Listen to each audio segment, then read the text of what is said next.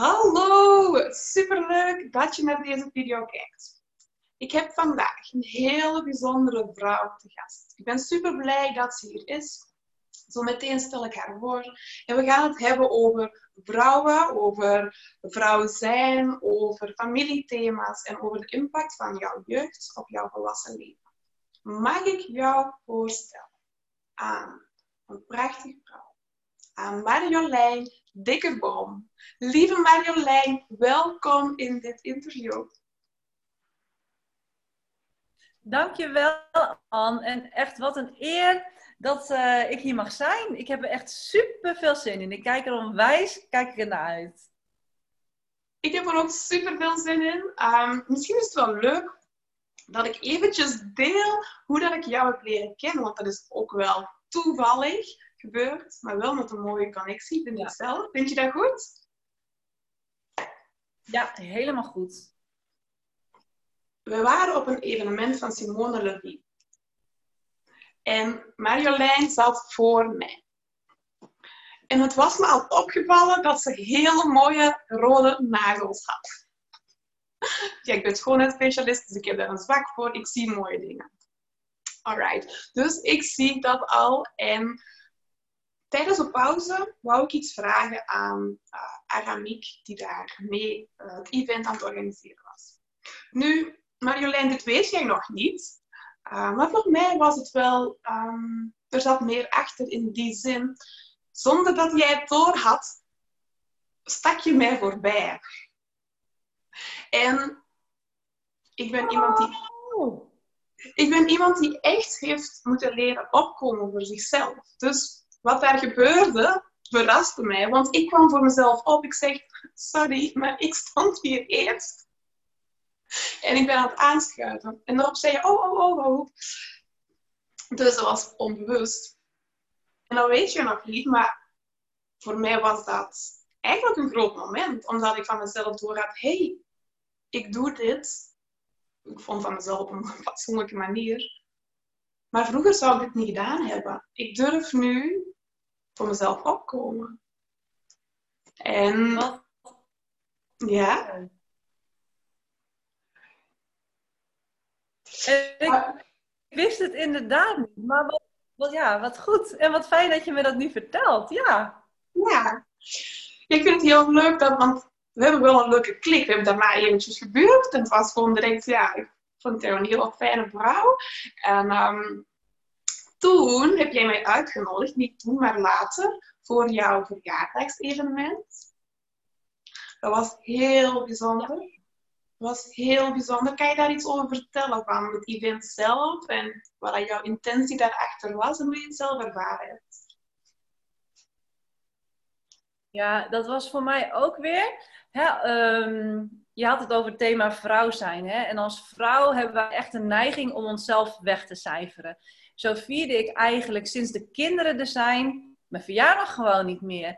En toen dacht ik, ja, vroeger werd ik daar zo blij van. Hè? Van mijn verjaardag vieren, mensen uitnodigen, gewoon alles leuk voorbereiden, iedereen uh, gewoon het gezellig maken. En toen zag ik het bij Margaretha uh, voorbij komen dat zij haar verjaardag vierde in de vorm van een lunch. En toen dacht ik, ja, ik wil dit jaar gewoon mijn verjaardag groot vieren. 108 vrouwen en er een hele inspirerende middag van maken. Omdat het voor mij altijd een wens was om zichtbaar te zijn, om op een podium te staan, om echt zoals jij ook hebt gedaan hè, op het event van Simone, je ruimte even in te pakken. En uh, dat wilde ik niet alleen doen, maar met, samen met echt allemaal andere toffe, gave vrouwen. Uh, ieder met zijn eigen verhaal. Want daar, dat is een beetje mijn thema. Ik vind het mooi om het verhaal achter de vrouw te mogen vangen. En te mogen delen en te mogen vertellen. Ja, en toen was je daar. Ja, super gaaf. Ja, ik vond het heerlijk. Ik vond het echt super leuk, want ik kende eigenlijk van tevoren niemand toen ik daar aankwam. Toen ik daaraan was, um, zag ik wel enkele gekende gezichten, maar het voelde gewoon super. Allemaal van die vrouwen. Je, je voelt dat in de lucht hangen, je voelt die energie. En het was, het was een prachtige dag. Echt een, een verrijkende dag. Dus dank je wel daarvoor. Um, Heerlijk. Ja, het was echt super. Ik heb er heel veel aan gehad voor mezelf. En ehm, een van de rituelen die daar kort werd aangehaald door een van jouw gasten, doe ik nog elke dag. Namelijk met de foto van, uh, van jezelf als kind, om met jezelf en je innerlijk kind te werken. Dus uh, dank je. nu, lieve... Oh, dan ga ik Yvonne... Wat zeg je? Dan ga ik Yvonne teruggeven. Yvonne van Drops of Hebben zij deed dat ritueel. En dan vindt ze vast super geweldig om dat te mogen horen, dat je die hebt meegenomen in je ritueel. Ja, dankjewel. Dat mag je zeker doen. En misschien nu dat we het hier dan toch over hebben,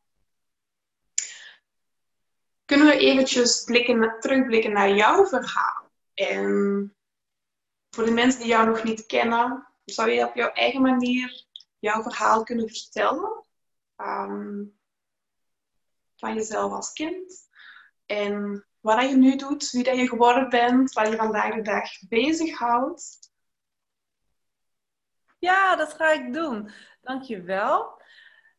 Um, ik ben geboren in, uh, in Zuid-Korea. En toen ik twee maanden was, kwam ik naar Nederland. Ik ben geadopteerd. En ik kwam in Friesland terecht en mijn ouders hebben altijd uh, te horen gekregen vanuit het weeshuis dat er over mij geen informatie was. Dat ik de vondeling was gelegd en uh, nou, dat het ook eigenlijk geen zin had om mijn biologische ouders te gaan zoeken. En ik weet niet of dat door de adoptie kwam, ik denk het wel. Ik heb mij eigenlijk gedurende een groot deel van mijn leven niet goed genoeg gevoeld, hè, niet gezien gevoeld. Eh, niet de moeite waard gevoeld. En daar liep ik best wel tegenaan. En dat kwam met name in de puberteit tot uiting. Ik zat in een ontzettende identiteitscrisis, zoals heel veel pubers. Maar daar kwam dat stukje adoptie ook nog een keer bij. En ik denk wel um, als kind dat ik echt van die vol sprieten had van, goh, wat heeft mijn vader nodig, wat heeft mijn moeder nodig, wat hebben mijn broertjes nodig. Want als iedereen gelukkig was en als iedereen lekker in zijn vel zat, ja, dan was ik aan de beurt. Zo voelde dat voor mij. Alleen ja, dat hou je natuurlijk niet vol. En um, bij ons thuis was het in die zin onveilig dat er heel veel ruzie was. Met mijn ouders onderling en ook naar mij toe. Ja, en die, die bom die barstte. En um, uiteindelijk kwam ik in zo'n depressie terecht dat ik het echt niet meer zag zitten en dat ik ook niet meer verder wilde. Dus toen heb ik een suïcidepoging gedaan en kwam daarna in een uh, instelling terecht omdat ze wilden kijken van goh, wat is er eigenlijk met dit meisje aan de hand en wat voor hulp heeft zij nodig. Um, maar dat mijn ouders mij, mijn, zeg maar mijn adoptieouders mij niet weer terug in huis wilden, voelde weer als zo'n enorme afwijzing. Dus dat zijn echt thema's en pijnstukken gedurende mijn leven in uh, meer of in mindere mate op mijn pad kwamen. En ik heb heel veel reguliere therapie gedaan. Bij kinderpsychiaters, later bij psychiaters, bij psychologen. Maar het leek wel alsof zij voor mij um, een taal spraken die ik niet begreep. Maar op een gegeven moment wist ik natuurlijk wel goed hoe je precies die antwoorden moest geven, dat ze zeiden van nou, het gaat eigenlijk wel weer goed met Marjolein. Toen kwam er een bizar moment in 2009. Um, ehm, een van de adoptiemeisjes waarmee ik naar Nederland ben gekomen, die was op zoek naar de roots en die heeft mij gevonden. En samen met haar ben ik teruggevlogen voor het eerst in mijn leven naar Korea. En toen kreeg ik te horen dat um, er een schaduwdossier van mij bestond. Ik bezocht het weeshuis, niets vermoedend, gewoon als toerist. En opeens lag daar een heel stapel met dossiers. En toen kreeg ik te horen, ja, maar um, jij hebt gewoon een vader en een moeder. En die waren bij elkaar op het moment dat jij te vondeling werd. En je hebt twee oudere zussen. Ja, en toen stond mijn wereld gewoon even compleet op zijn kop. Want vanuit het vondelingverhaal, waar ik jaren in heb geloofd, en ook mijn hè, ouders hebben in geloofd, was er opeens toch informatie en kon ik opeens gaan zoeken. Maar toen kwam ook wel weer een beetje dat thema van ja, maar waarom hebben ze dan mij afgestaan en niet mijn oudere zussen? En ja, dankzij die reis ben ik op innerlijke reis gegaan. Maar meer in het alternatieve circuit. Dus ik ging energetisch werk doen, zoals bijvoorbeeld familieopstellingen. Ik kreeg een coach, ik ging healing en readings doen ja, en dat voelde voor mij gewoon als een warm bad. Opeens begreep ik zo erg ehm, dat wij hier allemaal zijn en allemaal bepaalde thema's op ons pad krijgen, waardoor we die persoonlijke groei uiteindelijk gaan pakken. En al die tools die er nu in mijn rugzak zitten, ja, dat gebruik ik uh, in mijn werk. Ik ben strafrechtadvocaat en de mensen die ik bijsta, ik zie al die thema's gewoon terugkomen. Dus dat is even in een heel, hele notendop uh, mijn reis geweest, ja. En ik begrijp nog beter waarom het zo goed voelt van mij tussen ons, omdat er zijn heel veel raakvlakken en jouw verhaal raakt mij. En ik geloof met mij nog heel veel anderen. Want jij haalt heel scherp jouw thema's naar boven. En dat is waar dat we op een ander verhaal dezelfde gevoelens hebben. Ik vind het super bijzonder om dit van jou zo te horen. En ik heb ook ehm, van jouw um, opname bij Spoorloos gezien het moment dat jij jouw ouders ontmoette. Bij het moment dat, je, uh, dat, zij, dat jij voor het eerst ontmoette. Dat raakte mij in mijn hart en mijn ziel. En ik hoor jou nog zeggen van oké, normaal zo wat afstandelijk en weinig emoties tonen. Maar dat zowel bij jouw vader als bij jouw moeder de emoties zo groot waren dat ze het absoluut niet konden inhouden. Het was gewoon zo zichtbaar. En dat raakt altijd. Want dat is puur. Dat is, dat is echt. Als jij vertelt dat je dan eigenlijk ja, die informatie over jouw, jouw bloedbandfamilie dan in het begin niet had, dan voel ik meteen van, oeh, wat moet dat zijn? Want daarin zit zoveel informatie van jezelf waarmee je jezelf kan identificeren. Als herkenning, als, als stukjes van jezelf die dat echt zijn. Hoe was dat voor jou om op te groeien bij mensen, jouw familie, wat waarschijnlijk voor jou jouw familie is, waarbij dat je dan ook weet dat het niet die bloedband heeft. Ja, je voelt je toch anders. Een soort van vreemde eend in de bijt. En dat heeft er ook mee te maken dat mijn jongste... Ik heb twee broertjes. Mijn middelste broertje is ook geadopteerd. En mijn jongste broertje is biologisch eigen kind.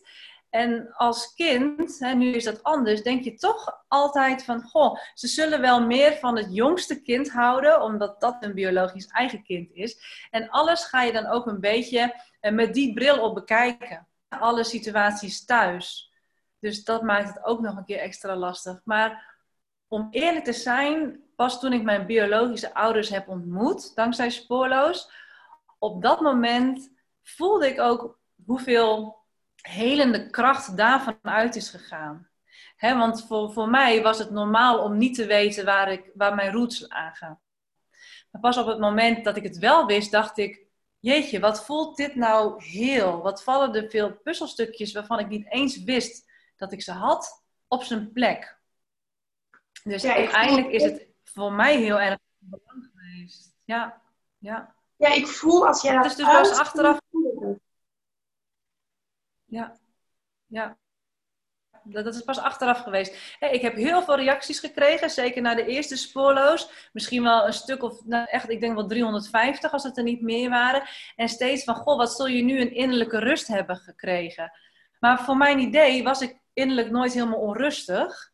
Maar ik voel me nu, nu ik die informatie heb en mijn ouders heb ontmoet... en ze zijn ook naar Nederland geweest vorig jaar...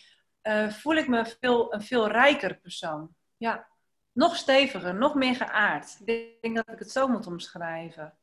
Ja, want eigenlijk heb jij eerst jouw eigen weg gevonden, voor een stuk, en heb je dan een dosis extra informatie gekregen. Nu, ja. En dat komt als altijd. Ja. ja, vertel maar. En het komt zoals eigenlijk altijd precies op het juiste moment. op het moment dat ik rust ervaarde met mijn gezin, met mijn familie, met mijn werk. Toen uh, ja, kwam dit cadeau echt letterlijk en figuurlijk in mijn schoot uh, geworpen. want in mei van 2018 ehm, schreef ik spoorloos aan. En een half jaar later, dat is echt waar, zat ik in dat vliegtuig. Terwijl je hoort wel, wel vrouwen uh, die die oproepen doen van spoorloos en die horen jaren niet. Maar ik had zo'n gevoel van ja, als ik dit doe, Ehm, dan zou het wel eens heel snel kunnen gaan. En dat, ja, dat is ook gewoon zo gebleken. Dat is dus een enorm geschenk geweest, die hele, dat hele traject. Ja. ja, geloof ik heel sterk. En ja, ik voel dat ik, dat ik daar zelf door geraakt word door wat je vertelt. Omdat het zo eigenlijk voor mij, want ik ben natuurlijk niet geadopteerd, alsof dat, dat ik mezelf niet eens kan inbeelden hoe het is om in die ervaring te staan. Maar tegelijkertijd weet je gewoon, dit is, dit is, niets, niet, dit is, dit is niet niets. Dit is met alles wat ik weet van familiethema's en waar mensen tegenaan lopen. En hoe hardnekkig het kan zijn om jezelf te vinden en uit een bepaald verhaal uit te kunnen stappen om echt je ware identiteit te vinden. Weet je gewoon, dit kan niet anders dan een grote impact hebben op jouw leven. Ja, ja. Je vertelt ook van, dat, dat je het gebruikt in jouw werk. Nu, dat vind ik prachtig om te horen. Um, want ja, ik ben een van die alternatievelingen die dat echt um, met mensen werkt op een manier van therapie, coaching. Maar jij, doet eigenlijk iets anders. En toch gebruik je al die dingen. Dat vind ik echt zo fijn om te horen. Kan je daar iets meer over vertellen? Ja, ik ehm, werk al 13 jaar als strafrechtadvocaat. En dat heeft ermee te maken dat ik dankzij mijn adoptie een tweede kans heb gekregen. En ik gun iedereen een tweede kans. want soms hoef je maar in een split second een verkeerde beslissing te maken. Ja, en dan ga je gewoon echt het verkeerde pad op. En ik herken ook heel veel van mijzelf en die cliënten. als thema's zoals je nergens bij horen voelen, uh, het ontbreken aan zelfliefde, het ontbreken aan de, het adequate gevoel van je ouders. Ik word gezien en ze luisteren naar mij. Um, als we daar nou jongeren op kunnen coachen en sturen, dan durf ik eigenlijk wel te zeggen dat er dan echt veel minder strafbare feiten zouden worden gepleegd. En door wat ik allemaal zelf heb meegemaakt, probeer ik zo uh, oordeelloos naar de zaak en naar de mensen die ik bijsta te kijken. En dat voelen mensen. Hè, de, de, de, vraag, de nummer één vraag op een feestje of een ja, partijtje is altijd van... Goh, hoe kun jij een mensenhandelaar of een verkrachter of een moordenaar bijstaan... en dan gewoon s'nachts nog slapen? Ik zie het, um, ja, dankzij het de therapieën die ik heb gehad in het alternatieve circuit, dat wij hier allemaal zijn um, op aarde om te leren, om te groeien, om karmische stukken uit te mogen werken. En dat kan alleen als we dat samen doen in hele heftige conflict situaties. Ja, absoluut. Dus op die manier probeer ik. Uh, ja. ja, ik ben zo blij met waar naar te kijken. Ik vind het zo mooi om te horen, omdat ik deel die visie volledig. Ik geloof ook dat we echt hier zijn om te leren. En ik geloof ook dat, dat als je dat als kind anders beleeft, dat je een ander volwassen leven zal hebben. En dat is waarom ik gezinnen help harmonieus samenleven. Het gaat over, voor mij persoonlijk, over die energie van harmonie. De, de gevoelsfeer van gezien, gehoord, begrepen te worden, van er te mogen zijn zoals je bent. En het is mijn wens dat iedereen dat weet. Dat iedereen weet dat wat jij aanhaalt. Het is, je doet niet zomaar ineens iets wat wij met z'n allen bij wijze van afkeuren. Dat komt ergens vandaan.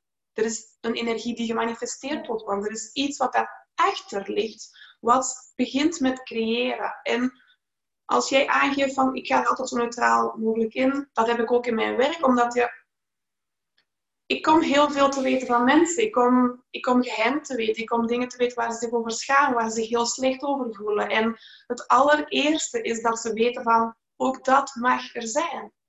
Die, ja. het, wat het geworden is, het mag er zijn. En je moet daardoor. En soms is het best een, een pittig verhaal. En dat ga jij in een grotere mate ook hebben. Dat het, dat het, je zou het niet kunnen goedkeuren. En toch in essentie aanvaard je het wel en zeg je ja, en ook dat. Op, als je op een bepaalde manier gaat kijken, ook dat is, het mag er zijn, het is ook goed. Maar we gaan natuurlijk wel kijken Hoe komt het? En jij hebt daar een andere manier van in jouw werk, hoe je daarmee omgaat. Maar ik ga ook heel erg kijken naar waar komt het vandaan? Wat leer je daaruit? Want je hebt dader en slachtoffer. En ook in partnerrelatie, ook in, in dagelijkse conflicten. Ehm, stel dat wij nu zo meteen ruzie krijgen, heb je een dader en een slachtoffer. En dat is gewoon een impuls en een gevolg. En that's it. En hoe gemakkelijker en hoe beter we weten dat het zo werkt en daar op die manier in ons leven kunnen staan, hoe minder groot het wordt. En als we dit onze oh.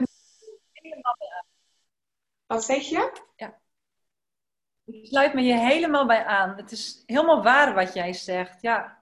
Zo mooi hoe je dat ook onder woorden weet te brengen. Daar gaat het voor mij in essentie ook over. Ja, en ik voel echt dat ik zo een rust over mij krijg. Dat ik weet dat er mensen zoals jou zijn die op een andere job en in een andere plaats in de maatschappij dat oppakken. Want dat brengt zoveel heling bij de mensen met wie dat jij werkt. En het is heling wat maakt dat het kan veranderen. En ik doe in mijn werk, ik doe het echt voor de kinderen. Ik werk met de ouders, ik werk vooral met de mama's. Ehm, maar ik doe het voor de kinderen. En het, is echt, het ligt me echt heel nauw aan het hart om, om kinderen in die wolk van harmonie en in die wolk van jij mag hier echt zijn zoals jij bent op alle vlakken. Zo mag jij hier zijn. Ja. En jij haalde aan, Marjolein, dat jij je anders voelde. ik voelde me ook altijd anders. Uh, mijn ouders hadden ook veel conflicten. Ik heb er heel veel uit geleerd voor mezelf. Maar het stukje of het thema om me anders te voelen, dat was een groot thema in mijn leven. Terwijl ik ben opgegroeid tussen mensen die er hetzelfde uitzien, weet je wel. Dus ik had geen andere huidskleur. Ik was uiterlijk normaal, denk ik. en toch was het zo'n thema. Is er, is er iets waar jij daar nog over kan vertellen? Ja, ik vind het ook heel mooi dat je dat naar voren haalt. Want thema's kunnen universeel zijn. En of het nou is uh, hè, dat je net als ik geadopteerd bent, waardoor je je niet de moeite waard voelt, of waardoor je die eenzaamheid voelt, of dat het nou is dat je ouders zijn gescheiden, of dat er hè, heel jong iemand in je gezin is overleden. Hè, wat nou maakt dat um, je met de vinger op het pijnpunt komt, dat maakt niet zoveel uit. Maar juist met jou voel ik die connectie, omdat we elkaar herkennen in het gevoel van vroeger. Maar we herkennen elkaar ook in de manier hoe we dat zijn overstegen. En hoe we het nu in kunnen zetten voor anderen. Om daarbij uh, de wereld toch stapje bij stapje toch mooier te maken. Ja, ja en ik vind het, ik vind het ehm, zo mooi dat jij aanhaalt, die thema's zijn universeel, want dat zijn ze. En aan de buitenkant toont het verhaal zich anders, maar aan de binnenkant, de belevingswereld, zijn die thema's hetzelfde. En dat is waar je elkaar raakt. Ik voel het ook, Marjolein, wij zouden uren kunnen praten, voel ik nu. Ik denk, oh my god, ik kan met jou uren praten, want we hebben blijkbaar veel meer gemeen dan wat ik tot nu toe al wist. En dat verbindt. Ja. Jij hebt dat, ook... dat, dat krijg Ja, sorry. Die verbinding krijg je ook doordat je met elkaar in gesprek gaat. En zo doe ik dat ook met cliënten. Ik ga net zo lang met ze in gesprek totdat ik denk: oh ja, ik kan het me, als ik me verplaats in die ander, zo goed voorstellen dat de situatie zich heeft doen ontstaan. En daarmee keur ik de situatie niet goed, hè, want je mag geen misdrijven plegen. Maar ik, ik toon wel mijn begrip voor het persoon hè, die de verdachte of de dader is in dit geval. Ja. Ja, en wat je nu, ik vind het, heel, ik vind het echt gewoon prachtig dat je het in je werk inzet. Echt, echt gemeend. Dus dikke chapeau alvast daarvoor. Echt vanuit mijn hart. En wat je nu aanhaalt van in mensen hun schoenen gaan staan. Dat is zo belangrijk. Want we vinden van alles. En we hebben allemaal een, onze eigen belevingswereld. En zo kijken we naar de wereld. En daar ontstaan oordelen. Als je jezelf niet bewust bent van het feit dat het voor iedereen je moet in iemand zijn schoenen gaan staan alvorens je kan begrijpen hoe het voor die persoon voelt. En vanuit, vanuit dat gevoel en vanuit die blik, inclusief alles wat die persoon heeft ervaren, alles wat die persoon zelf heeft meegemaakt, de lessen dat die komt leren, de, de uitdagingen waar die in staat, hoe groot de stress op dat moment is en de mogelijkheden die er zijn, dat maakt waarom iemand wel of niet ergens voor kiest en handelt of niet zoals hij of zij dat doet. En als iedereen dat zou weten, dan zouden we een heel andere maatschappij hebben. Ja. En ik gebruik inderdaad familieopstellingen daarin om, om echt, met een familieopstelling kan je echt gaan voelen hoe het voor die persoon voelt. En zelfs al ken je niets van het verhaal, je voelt de energie en daarin zit informatie. En dat is waar ik mee werk. Met dat wat achter de schermen eigenlijk gebeurt. Nu, ik hou daarvan. Want dat is waar het er echt toe doet. Dat is ook waar de meest pure informatie te vinden is. Dat is, ik hou daarvan, ik ben daar gek op, maar daar ga je ook vooral het verschil gaan maken. Daar kan je een verandering teweeg brengen, een transformatie doormaken die echt jouw leven verandert. Nu, ik ben niet de enige die achter de schermen werkt. Want jij hebt daar een magazine over. Vertel eens. Ja, ja ik ehm, ben nu bijna 13 jaar strafrechtadvocaat. En dat is echt, echt mijn allereerste liefde. Uh, maar ik had wel zoiets, ik wil weer wat meer doen met mijn creativiteit. Ik heb meerdere talenten die nu niet tot uiting komen. En door het delen van mijn eigen verhaal, ook op spoorloos en de warme, liefdevolle reacties die ik daarop heb gekregen. Want dat was bij mij best wel een puntje. Hè? Want ik ging vertellen over mijn depressie en over mijn suïcidepoging. En toen dacht ik, oh, stel je voor dat heel Nederland die dit ziet, mij nu opeens gek gaat vinden. Hè, hoe, hoe kwetsbaar stel ik mezelf op? Maar ik kreeg juist alleen maar hele mooie en warme reacties. En toen dacht ik, oh, hier wil ik hier wil ik iets mee. Hè? Ik wil mijn verhaal vertellen, omdat dat verbinding maakt. Maar ik wil ook de verhalen vertellen van andere procespartijen. Bijvoorbeeld over rechters. Van, of die s'nachts goed kunnen slapen als ze blijkt dat een onschuldig iemand toch hebben veroordeeld. Of een officier van justitie, hè, die, hoewel alles erop leidt dat een slachtoffer, ik noem het maar even heel cru, is verkracht dat hij toch geen veroordeling krijgt, omdat niet voldoende bewijs is. Hè? Hoe, hoe dat, wat doet dat met een mens? Maar ook uh, de moeder van Michael P., hè? De, de man die veroordeeld is voor de moord uh, op Anne Faber. Er is helemaal geen um, podium voor haar om haar verhaal te vertellen, terwijl zij is door een hel gegaan. Ze is weggepest en weggejaagd uit het dorp waar ze woonde. Um, iedereen keek haar met een nek aan. Um, eigenlijk zou ik haar vanuit heel mijn hart slachtofferhulp gunnen. Maar dat is er helemaal niet. Want zij staat aan de kant van de familie van de dader. Dus voor haar is er niks. En ja, al dat oordeel en al dat venijn en die haat, die haat is um, uitgekotst, zou ik het bijna willen zeggen. Ik vind het van belang om Nederland dat te laten zien. Om, om dan meer begrip voor elkaar te krijgen en minder oordeel. Dus dat is eigenlijk uh, het doel wat ik met het, uh, het, magazine wil bereiken. En daarnaast gaat er bij mij weer heel veel creativiteit stromen. En wat ik daar gewoon heel blij van om uh, dit te mogen doen. Ja. Het is prachtig wat je doet. Echt, het is zo bijzonder. En zeker met het bewustzijn wat jij hebt en dat jij in jouw werk staat. Dat moet voor zoveel mensen zoveel betekenen. Dat ze achter de schermen van het rechtssysteem een kijkje kunnen nemen. Dus dank je wel daarvoor, voor jouw bijdrage daarin. Want dat is echt heel, heel, heel bijzonder wat je doet. En ik voel gewoon jouw eerlijkheid en jouw authenticiteit daarin. En ook jouw bewuste universele visie van. Is, het is allemaal verwoven in elkaar in een prachtig magazine met prachtige foto's. Die heb ik ook al gezien. Ja, wat kunnen mensen doen als ze jouw magazine willen lezen? Oh, ze kunnen mij om dit project uh, te helpen financieren, kunnen ze het alvast bestellen. Kunnen ze een pre-orderen op uh, de site www.marjoleindikkerboom.nl. En wat super lief dat ik dat hier mag benoemen bij jou in de show. Maar uh, ik ben super blij dat jij hier bent. En wat ik voel als ik jou hoor praten over daden en slachtoffers en al die, die ja, er zijn veel meer mensen betrokken bij een incident.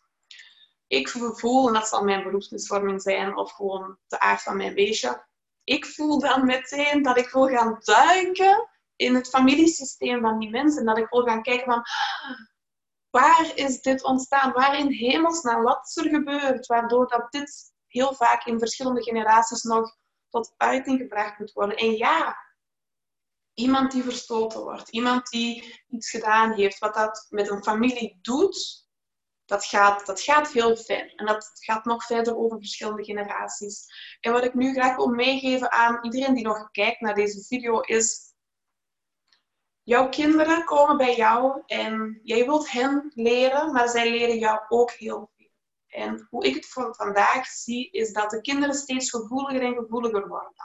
Nu, ik ben zelf ook zo'n uh, supergevoelige. En ehm, het is dan een weg geweest om daarmee om te leren gaan. Wat ik in eerste instantie doe, is de ouders leren hoe dat zij daarmee om kunnen gaan, dat als een kind zo gevoelig is. En in essentie zijn de ouders het zelf ook, maar we zijn al veel meer geconditioneerd, we hebben dat al afgeleerd en aangepast. Wat ik nog wil meegeven is dat dingen die in vorige generaties zijn gebeurd, maar die toen geen uiting kregen, omdat als het oorlog geweest en je moet het land heropbouwen, dan is er geen ruimte om te gaan mediteren en op retreat te gaan. Dan moet je andere dingen doen. Maar die emoties die dat wel gevoeld zijn, maar niet verwerkt zijn, die worden doorgegeven.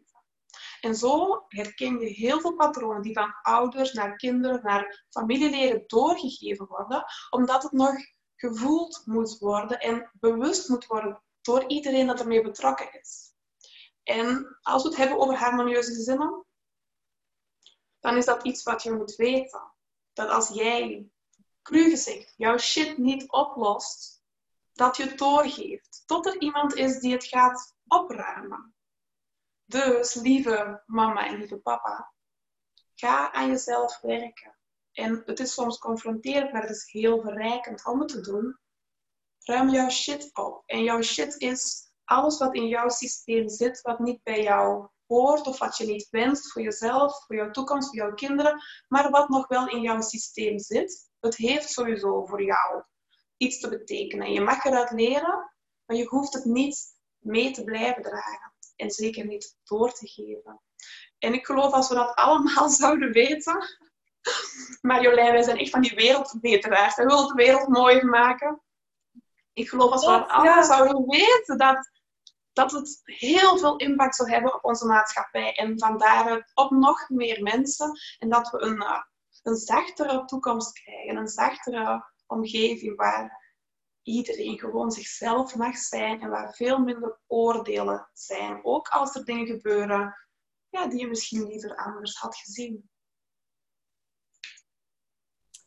Echt een hele mooie afsluiter. Ik zeg altijd tegen mijn kinderen en tegen mijn man: Het enige wat ik jullie te bieden heb, is het werken aan mijzelf. Want dan stopt het bij mij en hoef ik jullie energetisch niet meer met mijn trauma's, mijn familietrauma's, te belasten. Dus het sluit gewoon heel mooi aan bij wat jij uh, net zegt. Ja, door te werken aan mijzelf maak ik mijn gezin vrij van, van karma, karmapunten. Ja. Ja, absoluut. Dankjewel dat je dat nog meegeeft. Nu, je, je spreekt het al uit. Het werken aan jezelf. Nu, ik in mijn dagelijkse omgeving, ehm, bij ons is het nog niet normaal of de gewoonte om dat te doen. Nu, ik vraag me soms zelfs af, hoe doen mensen het als je het niet doet? Hoe, hoe leef je? als je die persoonlijke, bewust, uh, persoonlijke ontwikkeling niet bewust opneemt en niet aan jezelf werkt. Wat zou ik nog kunnen meegeven? Um, wat zouden we nog kunnen meegeven om mensen daartoe te inspireren van dit is waarom dat je het echt moet doen. Je hebt het al een heel mooi voorbeeld aangehaald. Kunnen we daar nog iets meer over vertellen, waardoor vrouwen misschien ook al in eerste instantie het niet meer raar vinden of zo. Het is niet dat je helemaal fucked up moet zijn om, om aan jezelf te werken. Je hoeft niet in de shit te zitten om te kiezen voor verandering en eventueel verbetering. Heb jij nog een, uh, een aanvulling hierop? Ja, wat, precies wat jij zegt, van durf op tijd voor jezelf in te roepen. wacht niet tot je in de burn-out zit. Wacht niet tot je uh, echt niet anders meer kan. Ehm, vraag tijdig om hulp en ga naar kijken wat kan ik doen om deze situatie voor mezelf mooier en beter en hele te maken. Want dan heeft iedereen binnen het gezin er profijt van. Alright, en ik heb ook gevoeld wat ik nog wil toegeven. Nu, ik ben hier natuurlijk, dit is niet voor niets mijn vak geworden. Ik ben hier verslaafd aan en ik ben hier natuurlijk helemaal in. Um, ik heb een kinderwens en ik heb voor mezelf al heel lang geleden bepaald wat er moest gebeuren alvorens überhaupt het voor mij oké zou zijn om zwanger te worden. Nu, ik ben eerlijk, die wens is er al enkele jaren. Maar ik had nog niet bereikt wat ik wou bereiken om het echt, echt oké te vinden en te ontvangen.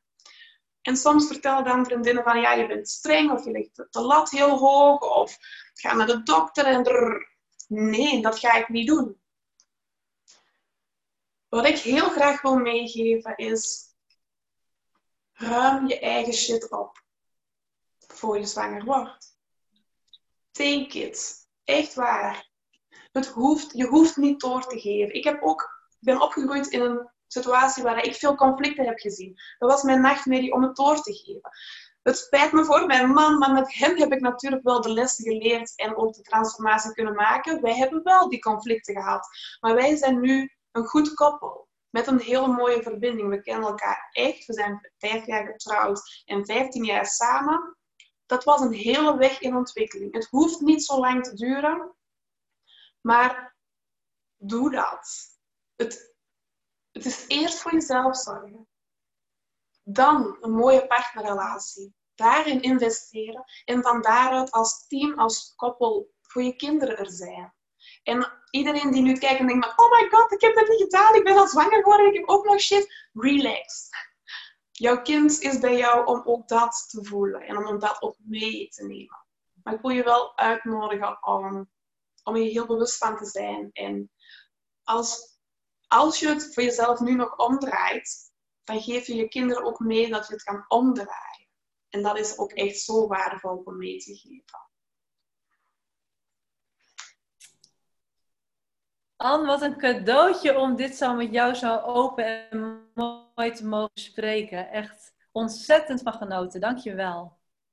Voor jou ook, lieve Marjolein, heel erg bedankt voor jouw tijd en dat je hier was. Ik weet nu al dat jij heel veel vrouwen gaat raken en inspireren. Dus doe zo voort. En uh, ik ga jouw mooie magazine mee promoten, want het is gewoon een prachtig werk. En je voelt ook nu echt wat er allemaal in en achter zit. Dus dat moet gedeeld worden. De wereld moet dit weten.